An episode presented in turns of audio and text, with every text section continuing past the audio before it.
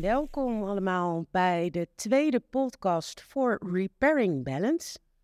Wij zitten hier vandaag in een prachtige locatie in de Vanellenfabriek in Rotterdam.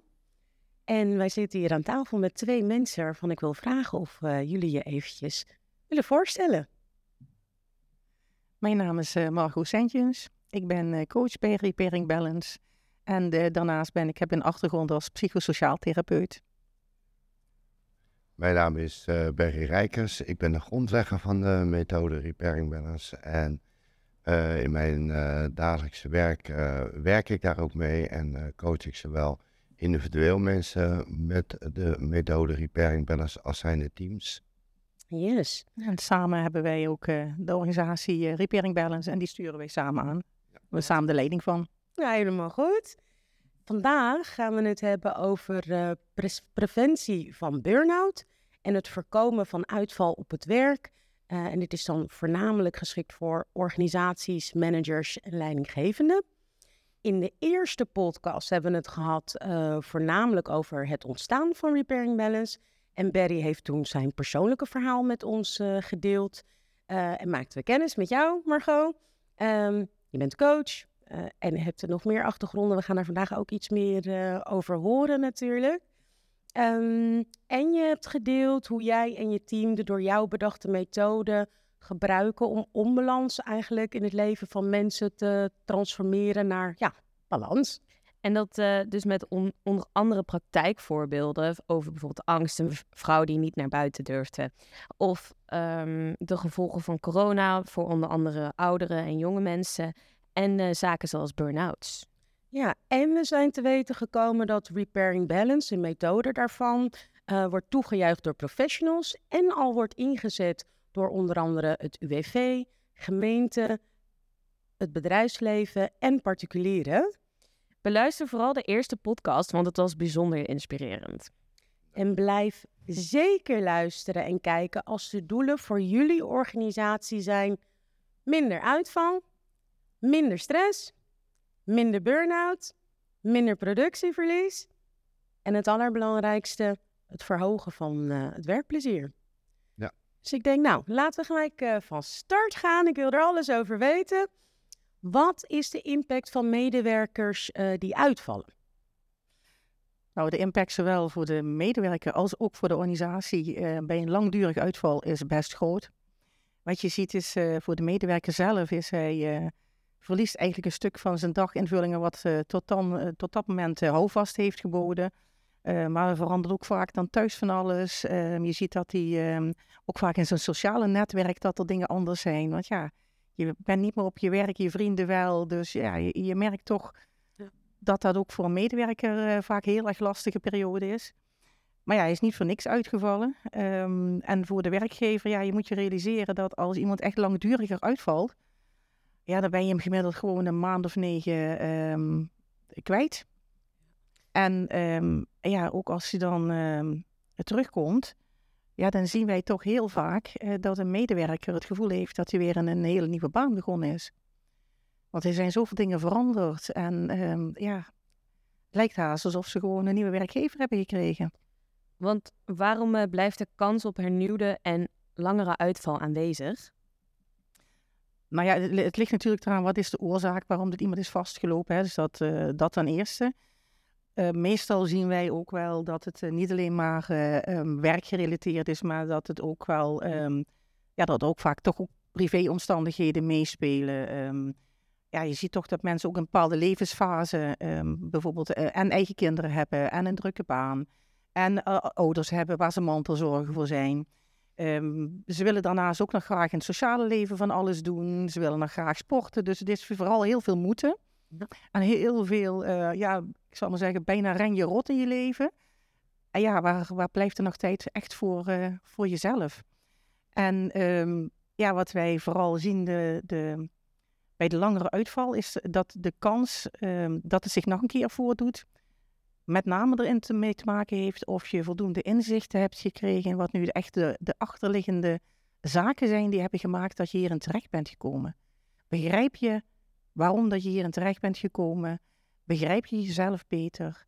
Uh, uh, leer je te zien hoe dat proces daar binnen in jou ehm, werkt en hoe, hoe, jij daarin beweegt als het uh, heel spannend wordt. Berry, wat komen jullie tegen in de praktijk bij het coachen? Nou, wat wij in de praktijk tegenkomen is dat eigenlijk, uh, wat Magal aangaf, uh, mensen wel onder grote druk staan. En dat leidt dus tot uitval. Mensen, percentage mensen met burn-out neemt ook wat toe. Maar we zien ook wel dat het uiteindelijk ook bij leidinggevenden en managers een rol gaat spelen. Waardoor die ook veel meer in de praktijk ook aan gaan kloppen.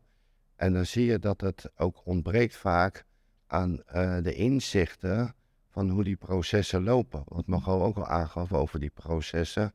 En doordat je dus, als je die processen niet ziet en niet begrijpt, ja, dan neemt het percentage alleen maar toe. En ook voor jezelf uh, is dan ook de kans dat het bij jezelf ook misgaat. En uh, door die uiteindelijk die inzichten te bieden, gaan vooral leidinggevende mensen ook zien waar ze zelf, waar het lek zit, waar ze op leeglopen, wat ze overbelasten. En als ze dat leren om dat op een andere manier in te zetten, dat het ook ten goede van hun kan komen. Dus dat is wat wij in de coachingspraktijk zowel aan de voorkant aan, en aan de achterkant tegenkomen. En wij wel de vraag krijgen, goh, had ik dit maar eerder geweten? En dan kom je op het verhaal van de preventie. Ook dat komt meer naar de praktijk nu toe, dat ze eerder bij ons gaan aankloppen. Ja, want eh, wat kan er beter of effectiever in organisaties?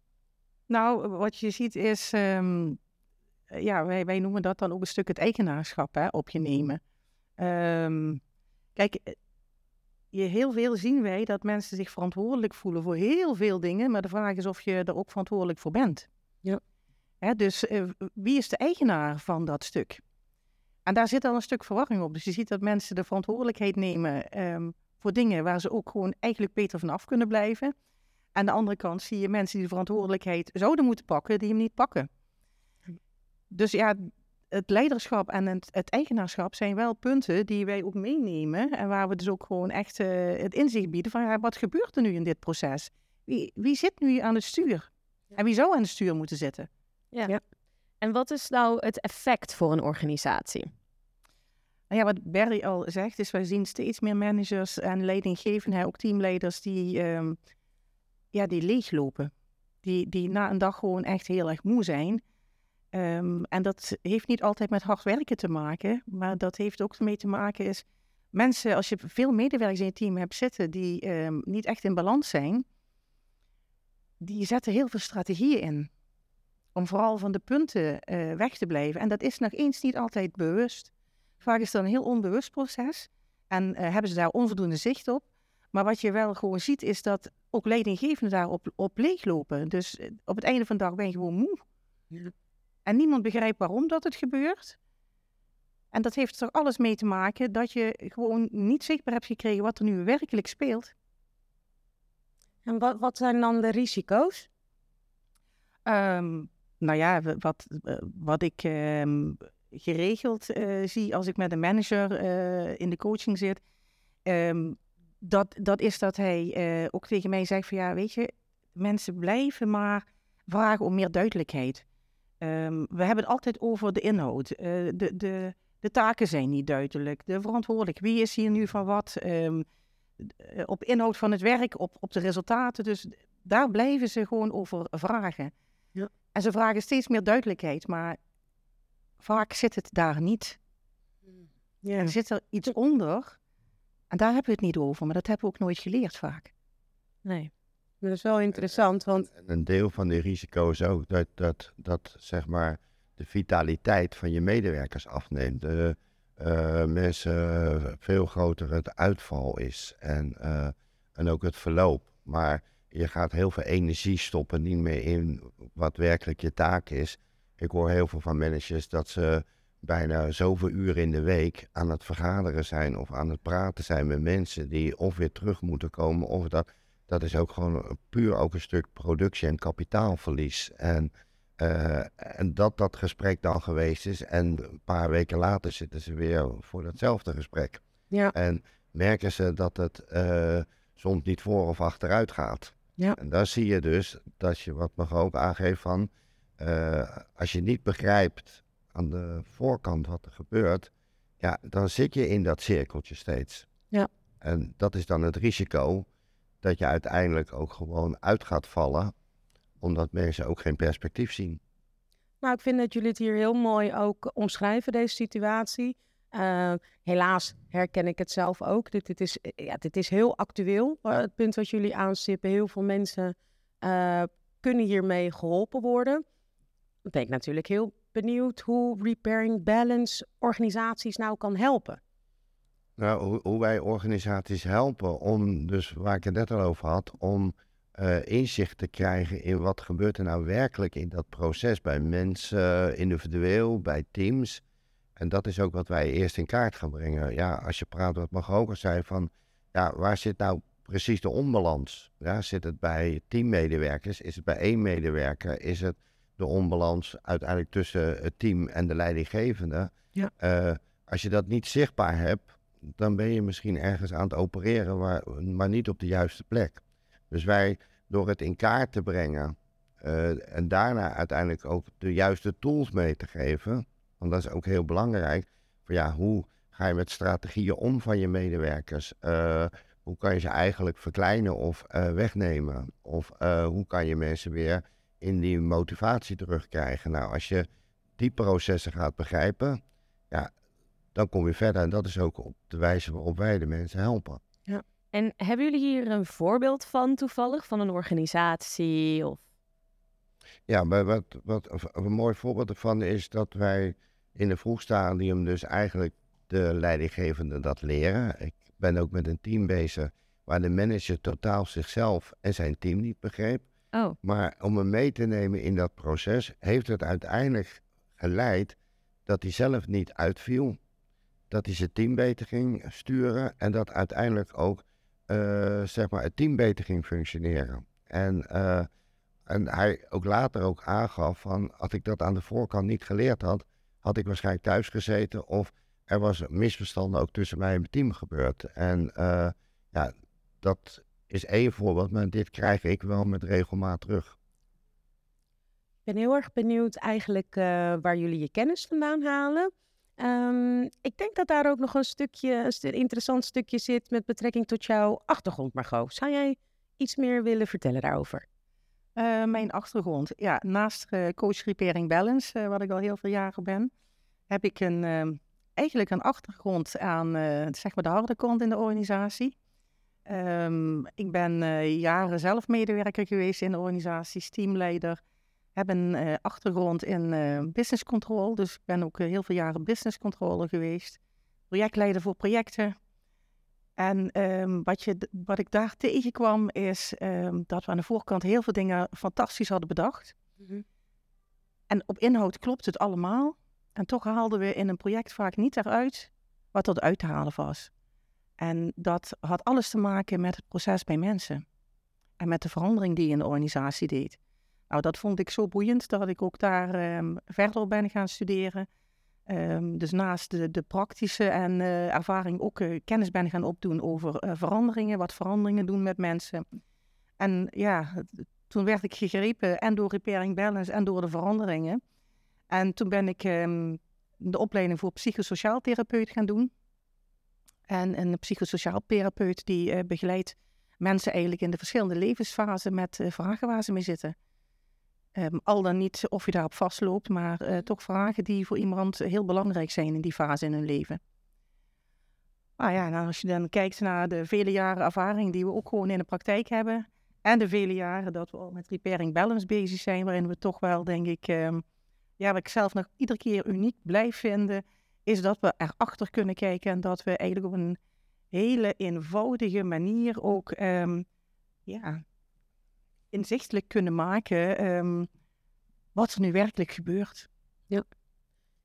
En zou je daar nog ietsje meer op in willen inzoomen? Want ik vind het super bijzonder trouwens dat jullie elkaar überhaupt hebben weten te vinden. En ik leer er nu al van dat um, je echt midden in dat werkveld hebt gezeten. Als, echt als een ervaringsdeskundige aan de ene kant als medewerker zelf. Uh, en toen ook met een ander oog als leidinggevende Dus eh, dat is heel waardevol voor eh, ja, de trajecten die jullie natuurlijk ook aanbieden. Ja. Ja, nou, als medewerker herken ik heel veel dingen. En eh, ja, in een verandering is nog heel veel niet duidelijk. Maar de vraag is wel altijd, ja, kijk, je hebt altijd een keuze om er een bepaalde manier mee om te gaan. En ben je je bewust dat je een keuze hebt?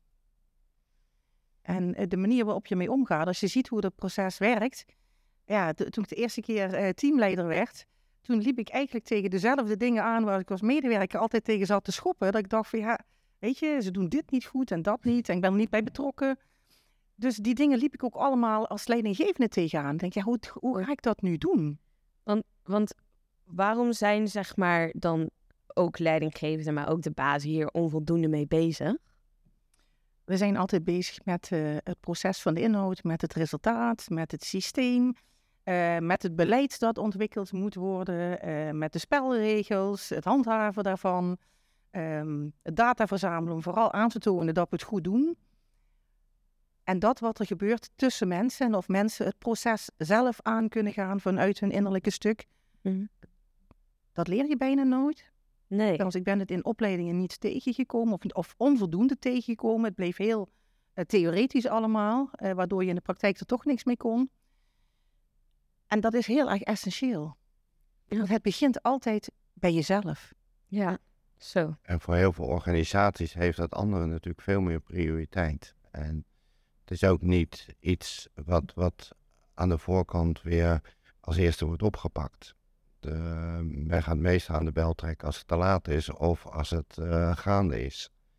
En eh, dat is natuurlijk wat je zegt, ja, hoe kom je aan die kennis? In die 30 jaar ja, ontwikkelen wij natuurlijk als coaches ook gewoon zoveel ervaring opgedaan, waardoor je ook kennis krijgt van oké, die processen lopen dus zo. En ja, soms zijn eigenlijk die lijnen eigenlijk die je tegenkomt ook bijna altijd hetzelfde.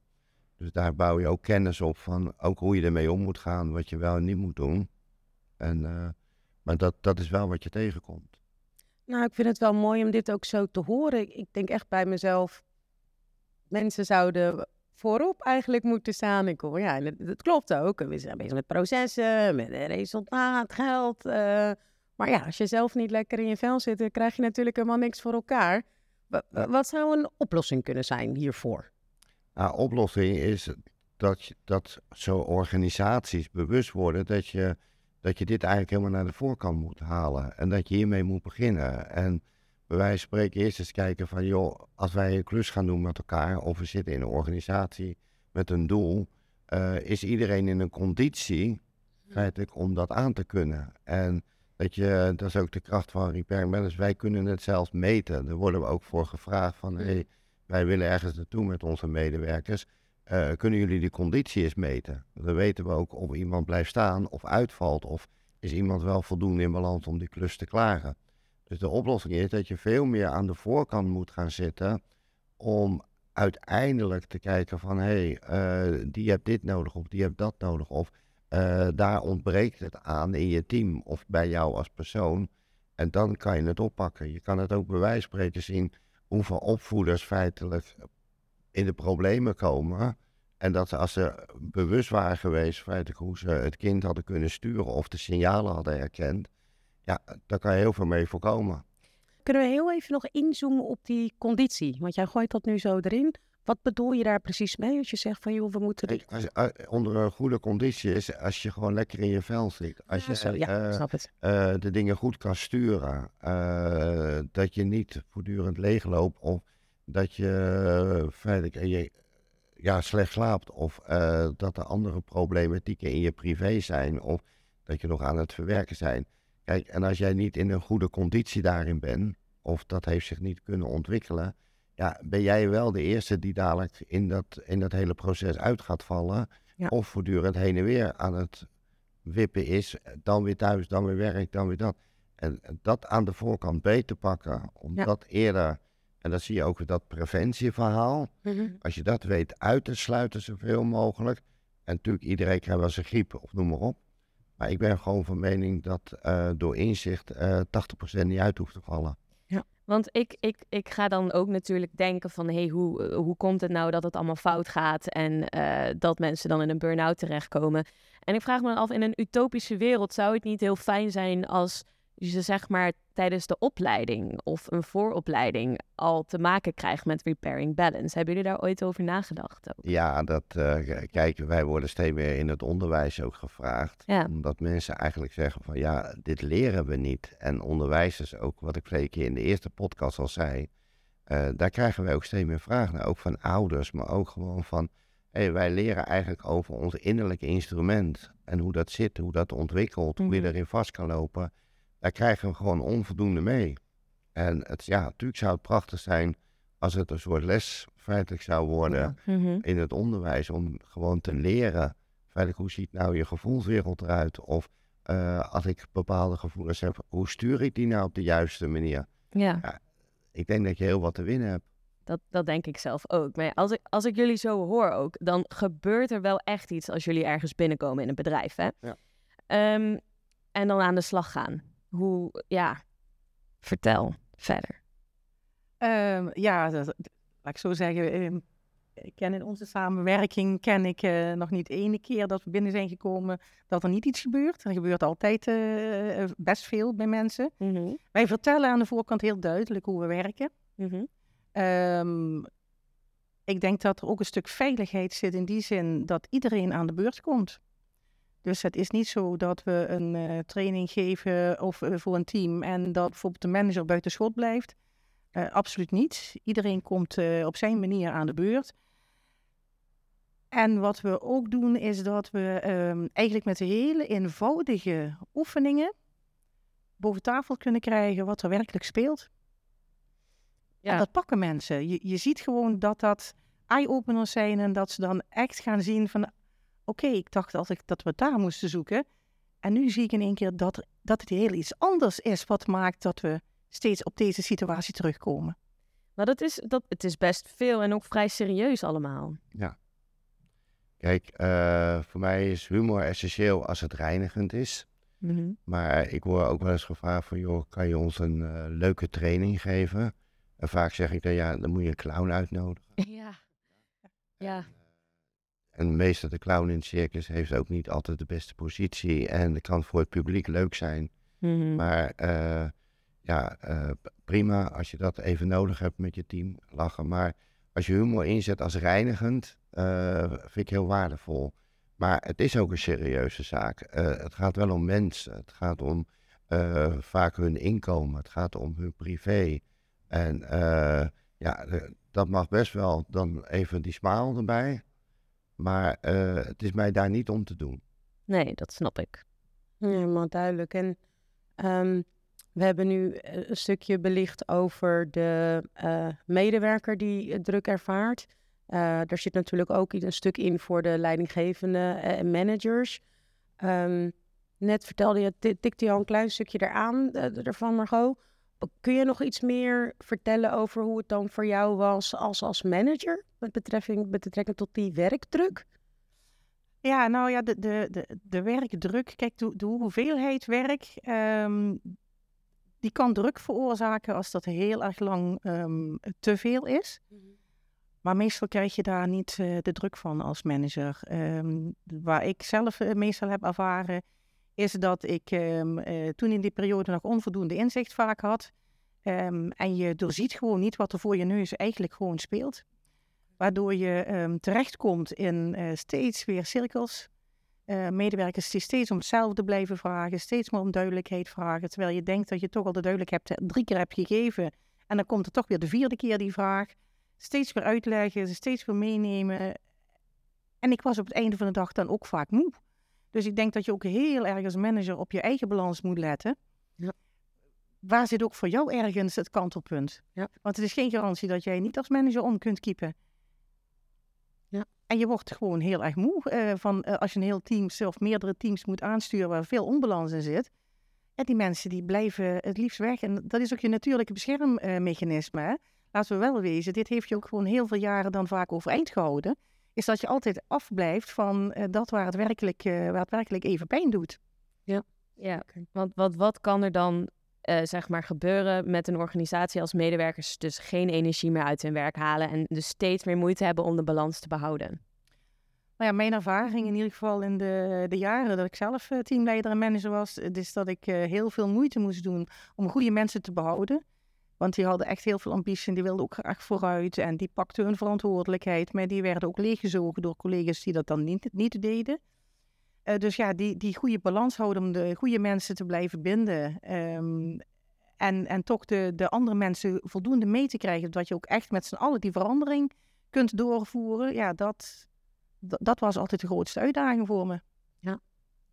Ik denk dat dit een goed moment is om ook echt duidelijk te maken dat jullie uh, landelijk actief zijn en landelijk inzetbaar uh, met jullie methode.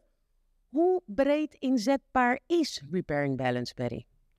Uh, heel breed. En zeker ook wat we. Ik, ik heb, we hebben op dit moment best wel heel veel aanvragen vanuit het MKB. Mm. En dan zie je ook gewoon bij zeg maar kleine bedrijven waar 10 tot 15 uh, medewerkers zijn. Als daar iemand uitvalt, is dat uh, natuurlijk een veel groter probleem als een grotere organisatie. En zeker ook als er iemand uitvalt met een sleutelpositie, ja, dan is dat echt voor dat soort bedrijven soms een ramp. Ja. En, en probeer maar op de, in deze tijd ook nog eens een keer nieuwe medewerkers te vinden. Uh, dat neemt ook toe, want uh, dat lukt ook niet. Dus uh, minder mensen moeten hetzelfde werk of nog meer bijsturen of ondersteunen. En dan zie je aan die kant ook de druk weer toenemen. Ja. En ik, ik, kom nu bij een bedrijf, nou, die hebben echt mensen nodig. En die manager is daar gewoon twee, drie dagen in de week mee bezig om de mensen maar binnen te halen. En de mensen op de werkvloer zitten te wachten tot het eindelijk lukt. En ja. moeten ze ook weer worden ingewerkt. Dus voor kleine bedrijven is dit nog veel grotere, grotere consequenties hangen eraan. Ja. Dus, uh, en daar zie je ook verder ook daar de toename van aanvragen van wil je preventief of uh, we hebben iemand, maar we willen wel heel snel terug. Ja. Dus wil je gaan schakelen. Nou, en, eh, Margot, heb jij nog voorbeelden van organisaties om het nog iets dichter bij de mensen te brengen? Um, nou ja, ik, ik zie zelf ook nog wel uh, heel veel inderdaad kleine bedrijven, maar ook heel veel uh, zelfstandigen, gewoon heel veel eenpitters. Um, of bedrijven die uh, heel klein gestart zijn en die eigenlijk groeien. Mm -hmm. En iedere groei gaat altijd met wat groeistuipen gepaard. Dus daar zie je ook gewoon de behoefte van ja, hoe, hoe ga ik dat nu doen? En de meeste ZZP'ers ja, zijn ondernemer geworden omdat ze vooral zelf aan de zeg maar, aan het eh, roer willen staan van hun onderneming. Dus ja, ik, ik zie ook daar uh, dezelfde vraagstukken terugkomen. Zo. En dan ben je heel kwetsbaar, want uh, ja, als je helemaal alleen bent en jou gebeurt iets, ja, dan uh, is het heel snel gedaan met je bedrijf. Dus ook daar zitten heel veel vragen van mensen. Nou ja, ik zit nog even te denken, nou laten we eventjes van, van de toekomst naar het heden, naar het verleden gaan. En dan wilde ik starten met dat. Um, er komt een derde podcast aan. En dan ben ik heel erg benieuwd naar ja, wat meer ervaringsdeskundigen. Jullie hebben net al een klein stukje ja. uh, aangetikt. Zou het mogelijk zijn dat wij hier mensen kunnen krijgen die echt ervaring hebben met jullie methode en daar wat meer over kunnen gaan vertellen? Ja, ik uh, ben met een aantal mensen in gesprek en uh, die het ook heel graag willen vertellen. Hmm. Uh, zowel op individueel niveau, maar ook in die rol dus als uh, leidinggevende of als manager, die ervaring hebben met repairing balance. Dus uh, ja, ga er maar vanuit dat jullie wel een aantal mensen bij de derde podcast gaan beluisteren. En dan zal onze rol iets minder worden. nou, ik kijk er al naar uit even een resume van uh, vandaag. En dan zou ik het leuk vinden om nog even een knipoog te doen naar podcast 1. Misschien kun jij nog even een resume daarvan geven. Ja, want in podcast 1 ging het vooral uh, om het ontstaan, ontstaan van Repairing Balance, jouw persoonlijke verhaal en de ervaringen van Margot als coach en wat zij zoal tegenkomt in de praktijk en, en voorbeelden dan. Nou ja, vandaag hebben we het natuurlijk over gehad uh, dat met hulp van jullie team en jullie methode uitval, stress, burn-out absoluut voorkomen kan worden. Um, wat natuurlijk heel erg relevant is voor organisaties, managers, leidinggevenden. Um, ja, en het uh, werkplezier kan aanwezig blijven eh, en nieuw leven in worden geblazen met de juiste handvaten. Exact, ik sta er helemaal achter. Ja, Willen jullie tot slot nog iets kwijt? Nou, wa- wa- wat ik, wat ik wel even kwijt wil is eh, dat je dus ook ziet dat eh, mensen, als dat allemaal gebeurt, eh, mensen ook niet meer de kans krijgen om snel te kunnen herstellen. Het moet allemaal snel, snel, snel. En eh, dat is toch ook een punt van aandacht, ook om daarnaar te kijken. Ja. En dat het herstel feitelijk soms iets meer tijd vraagt dan zomaar even een week of twee weken. Maar van alle kanten wordt er aan zo'n persoon getrokken van hij moet maar heel snel weer dit of dat en dat. En die druk zie je ook gewoon bij mensen privé. Ja, Ja. En krijgen jullie ook bedankjes van, eh, van, van mensen die nu weer op de rit zijn? Eh, ja, eh, ik vind dat heel mooi. Dat is ook eh, dat ik in eerste instantie zelf heel dankbaar ben dat, dat ik deze inzichten heb en dat ik ze aan een ander mag aanbieden. Maar eh, ja, dat, dat kan in allerlei vormen zijn. En dat, eh, dat is voor mij prima. Ja. Eh, als mensen op die manier hun dank uiten, dan is dat ook een heel mooie waardering voor mezelf en voor ons team en voor de methode. Dus, zeker. ja. Leuk. En Margot, eh, waar krijg je nou het meeste energie van als jij aan het coachen bent? Ehm, nou, het, het, het meest mooie vind ik als mensen zelf tot, eh, tot een inzicht komen, waardoor er echt wezenlijk iets verandert. En als je het hebt over dankbaar, ik heb ehm, nog eh, links en rechts altijd contact eh, met mensen die jaren geleden bij me zijn geweest voor een coaching. En dan ga ik daar eh, één keer in de zoveel tijd, drink ik daar gewoon eens een keer een kop koffie mee. En dan zie ik dat het gewoon nog altijd werkt. En denk ik, ja, wauw. Ja, hoeveel meer dankbaarheid wil je hebben? wauw. Leuk, mooi dit. Voor mij had ik aan voor dankbaarheid zit er me ook in dat eh, als ze andere mensen spreken, dat ze zeggen van je moet absoluut repair and balance gaan doen. Ja. Ja, leuk. Nou ja, dit is ook eh, wat we natuurlijk willen door dit verhaal natuurlijk eh, de wereld in eh, te brengen. Ja. Nou, ik stel voor dat we naar het einde gaan van eh, deze podcast, podcast nummer 2.